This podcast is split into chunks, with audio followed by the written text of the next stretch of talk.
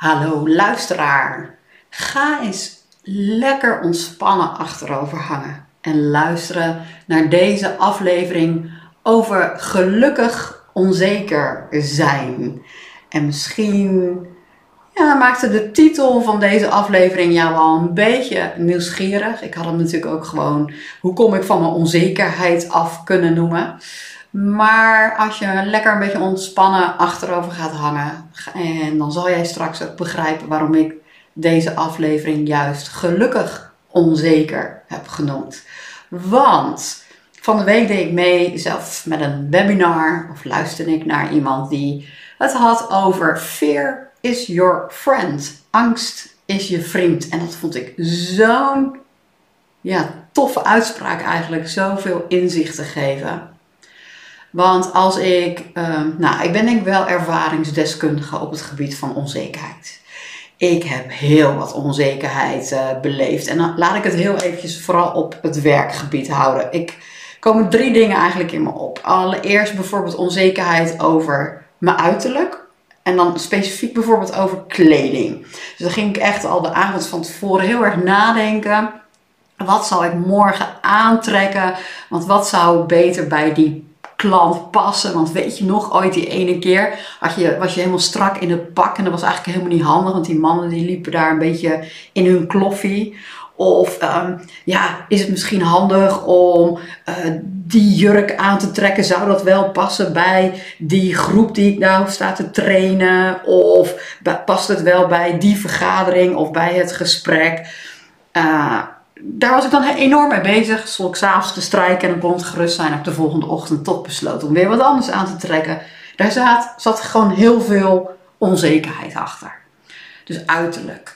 Uh, maar ook gewoon op het werk zelf of overwerk. Laat ik het daarover hebben. Bij mij was het bijvoorbeeld echt wel: oh, is deze baan nou wel wat voor mij?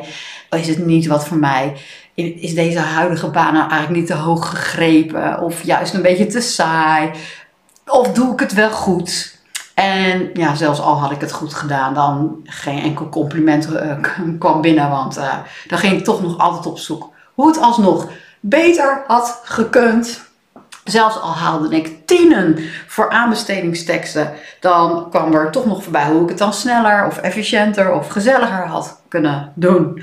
Dus ook daar zat enorm veel onzekerheid achter. En ook tijdens gesprekken, dat heb ik zelf eigenlijk af en toe nog wel eens dat ik tijdens gesprekken uh, wel eens ineens ervaarde compleet dichtklap. Of dat ik juist enorm druk aan het worden ben. En dan komt er zo'n sensatie voorbij en dan wil ik daar iets mee. Nou ja, die sensatie herken ik nu. Daar ga ik het zo ook wel even met jou over hebben. Maar um, ja, die is wel heel erg interessant. En um, maar wat ik bijvoorbeeld in het verleden heel erg heb gehad als het gaat over gesprekken, dat ik dan, uh, nou ja, echt me heel erg ging voorbereiden, want ik moest natuurlijk wel weten waarover ik het had. Zeker in een tijd dat ik in een mannencultuur werkte, in een mannenorganisatie en ik een van de weinige vrouwen was, had ik altijd het idee dat ik net even iets beter mijn best moest doen dan die mannen om te laten zien, ik heb er heus wel verstand van waar jullie het over hebben. Nou, wat een onzekerheid. En dit zijn maar een aantal voorbeelden. Ik kan er nog veel meer voorbeelden geven wanneer er angstige of wat onzekere ervaringen waren. En je zal misschien zelf ook wel eens zo'n ervaring hebben dat je onzeker bent. En dan zal je ook herkennen dat dat altijd een soort fysieke sensatie met zich meegeeft. En dus misschien is dat bij jou wel dat jij gaat uh, zweten, dat je ineens zweethanden krijgt. Of dat je natte oksels krijgt. Dat je thuis komt, uh, dat je denkt, oh, dat truitje moet wel weer even gewassen worden. Uh, of dat je trillende handen hebt. Uh, snellere ademhaling, die herken ik dan wat beter. Of dat je last krijgt van je nek. Nou, zo zijn er allerlei van die fysieke sensaties die je echt kan zien als een soort andere kant van de medaille. Soms wordt het wel eens gezegd van ja, word ik nou eerder, heb ik nou eerder die fysieke sensatie en dan uh, gedachten? Nou, voor mij voelt het alsof dat exact tegelijkertijd is. Er zijn gewoon onzekere gedachten en die geven een fysieke sensatie mee. Of er is een fysieke sensatie en het blijkt ook dat er gewoon heel veel onzekere gedachten zijn. En die sensaties, die willen we niet voelen. Die sensaties die willen we eigenlijk niet voelen, dus dan gaan we ze of negeren. Dan gaan we echt zeggen, oh nee, ze zijn er niet hoor. Ze zijn er niet hoor. Nee, nee, nee, ik, ik doe net alsof ze er niet zijn. Nee, ze zijn er niet hoor. Of we gaan dus de strijd ermee aan. Dan willen ze ze elimineren of zo. En ik, ik moet ineens denken aan de oudejaarsconferentie van Guido Weijers. Dus de oudejaarsconferentie 2022. Nou, voor het geval je het niet gezien hebt, hij had een soort uh, sketch scène waarin hij beschreef van, nou, je hebt een keuze. Je hebt een keuze om die deur door te gaan en als je die deur doorgaat, dan ga je leven. Maar je hebt totaal geen idee wat er achter die deur plaatsvindt. dus je bent helemaal onzeker wat er dus achter die deur plaatsvindt. Er gebeuren leuke dingen, er gebeuren minder leuke dingen. Maar je hebt ook een keuze om op een brancard te gaan liggen en even een infuus in te spuiten. En je bent altijd gelukkig. je, bent, je voelt je altijd zeker, maar je ligt dus wel gewoon continu op die brancard. Een soort dopamine even inspuiten en jij voelt je altijd gelukkig. En ik heb soms het idee dat we dat laatste nastreven, dat we echt heel graag eigenlijk altijd gelukkig willen zijn. Maar zo werkt het niet, hè? Want we willen natuurlijk ook het leven beleven. We willen door die deur heen en we willen wel ook gewoon genieten van het leven. En dan kom ik weer terug bij die uitspraak van fear is your friend. Ik vond dat zo'n mooie uitspraak. Angst is je vriend. Want er zitten voor mij meerdere dingen in. Allereerst maakt het mij heel erg duidelijk dat ik zelf dus niet de angst of de onzekerheid ben. Fear is your friend. Het voelt dus meteen al van, hey, die onzekerheid is iets of iemand anders. Dat is niet diegene die jij bent. En in ons taalgebruik zeggen we heel vaak van, ik ben bang of ik ben onzeker. Maar eigenlijk klopt dat natuurlijk helemaal niet. Je hebt onzekere gedachten. Of er worden sensaties beleefd die jij benoemt als onzeker, als wat angstig, als wat ongemakkelijk. En alleen dat al vind ik al super interessant. Dat maakt al een soort afstand, hè? alsof je veel meer naar kijkt dan dat je het gevoel hebt van, oh, ik moet er iets mee. Dus fear is your friend, laat mij al een beetje die afstand zien. Je hebt onzekere gedachten, maar je bent ze niet. Maar wat ik gewoon ook heel erg interessant vind, als jij die onzekerheid nou ervaart, of dat nou tijdens zo'n gesprek is, of dat je dat hebt uh, voor je kledingkast, of dat je onzekerheid ervaart op je werk, om wat voor reden dan ook. Op het moment dat je die onzekerheid voelt, je voelt die sensatie, dan zou je dat kunnen zien als een soort van plusje hamer. Ik noem het wel eens een plusje hamer. Alsof je dus een, op je schouder getikt wordt hey, je bent de verkeerde richting op aan het denken. Je bent de verkeerde richting op aan het denken. En dus ben jij even aan het ploeteren op je werk, ben je enorm aan het strijden met allemaal van die ongemakkelijke sensaties, of je bent enorm aan het twijfelen, dan zal je ook herkennen dat het soms wel chaos in je hoofd begint te worden. Hoe meer en meer je gaat denken, hoe negatiever die gedachten worden, hoe sneller ze gaan.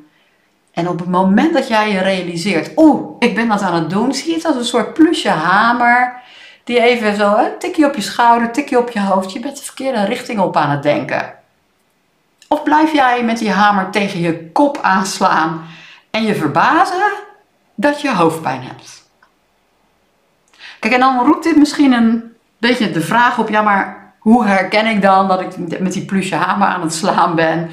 Of uh, hoe word ik dan weer zeker? Nou, ik denk dat het enige wat nodig is en wat echt fundamenteel helpt, is gewoon zien ja, hoe dit systeem werkt. Hoe het systeem werkt van die menselijke ervaring.